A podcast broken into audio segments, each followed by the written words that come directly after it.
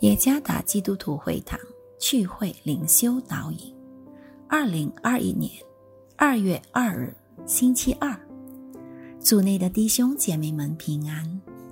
今天的灵修导引，我们将会借着圣经《约翰福音》十八章三十五节来思想今天的主题：洗手就是负责任吗？作者。无恩惠传道，约翰福音十八章三十五节。比拉多说：“我岂是犹太人呢？你本国的人和祭司长把你交给我，你做了什么事呢？”我们是否常常听到有人说：“我真的什么都不知道，我只是随着他的意思。”我是没有错的。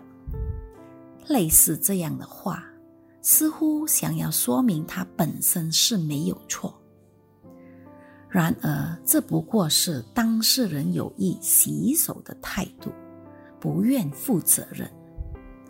在约翰福音十八章三十五节记载，比拉多当时面对真理的主耶稣基督，他却否认他的信念。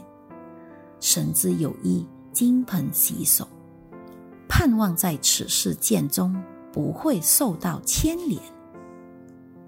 比拉多是指责祭司长们和犹太人将耶稣交给他，表示他本身并不知道有关耶稣的事，这也不是他权限范围内能审判耶稣。其实。他已经老早晓得有关耶稣的事迹，因为他是罗马人的代办法官和当时的地方掌权者。这种洗手态度，我们也经常在信徒中间见到。其实我们已经知道真相，但是我们似乎对非真理一面妥协。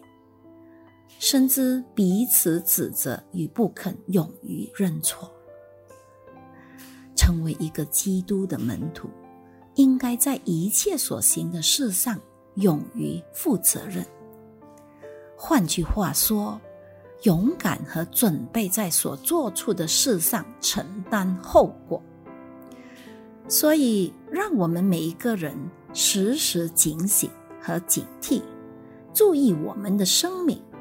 必须要与神的话和真理一致。参看诗篇一百三十九篇二十九、二十四节，不要与真理以外的事妥协，甚至包括在妥协中洗手。倘若我们在最终跌倒，但愿不至于使我们失去意愿向主耶稣恳求赦免、认罪悔改。活在真理中，即是勇敢为持守真理而负责任，顺服与忠心到底。愿上帝赐福于大家。